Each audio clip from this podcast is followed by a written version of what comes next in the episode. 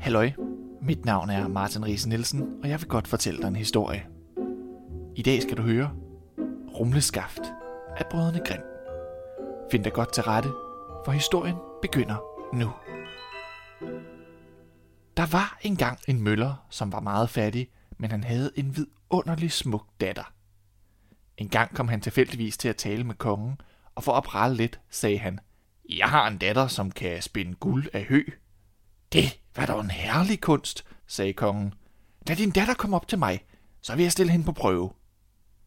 Da pigen næste dag kom op på slottet, førte han hende ind i et værelse, der var helt fuld af hø, gav hende en rok og en ten og sagde, Tag så fat på arbejdet, men hvis du ikke inden i morgen har spundet alt dette hø til guld, er det ude med dig.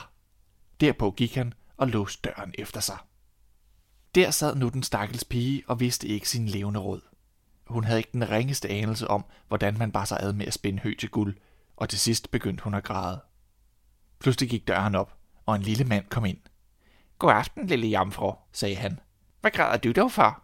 Jeg er så ulykkelig, hulkede pigen. Jeg skal spænde dette hø til guld, og jeg ved slet ikke, hvordan jeg skal bære mig ad. Hmm, hvad vil du give mig, hvis jeg hjælper dig?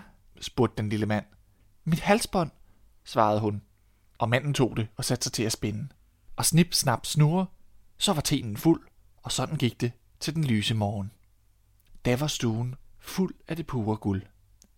Kongen kom allerede ved solopgang og blev meget forbavset og glad. I midlertid ville han ikke lade sig nøje med det, men førte pigen ind i et værelse, hvor der lå endnu mere hø, og befalede hende at spinde det inden næste dag, hvis hun havde sit liv kært.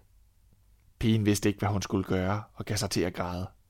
Men den lille mand kom igen og spurgte, Hvad får jeg, hvis jeg hjælper dig? Øh, min ring, svarede hun. Og manden tog den og begyndte at spænde, og inden solen stod op, var han færdig. Kongen blev kun endnu mere grisk, da han så alt det blinkende guld, og førte møllerdatteren ind i et meget stort værelse fuldt af hø.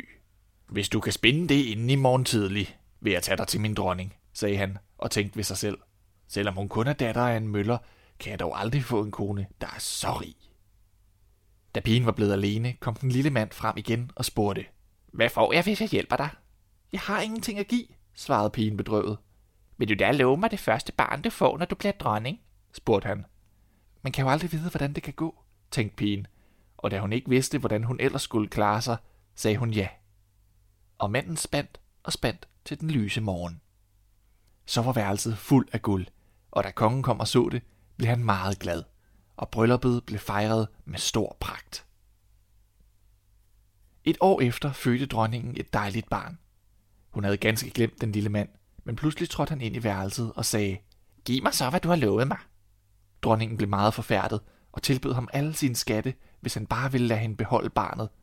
Men manden sagde, Kød og blod er mere værd end alverdens skatte. Dronningen gav sig nu til at græde, og manden fik ondt af hende og sagde, hvis du i løbet af tre dage kan gætte, hvad jeg hedder, skal du få lov til at beholde dit barn.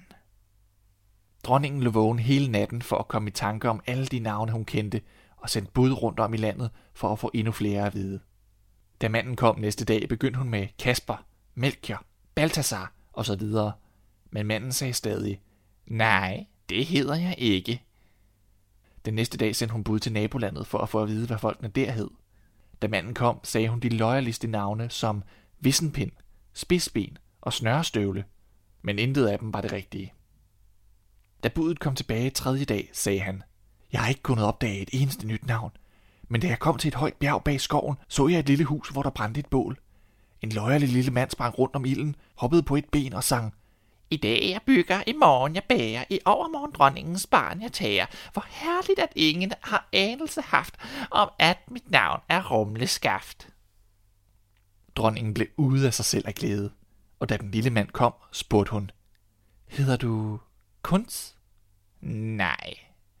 Hedder du da Heinz? Nej.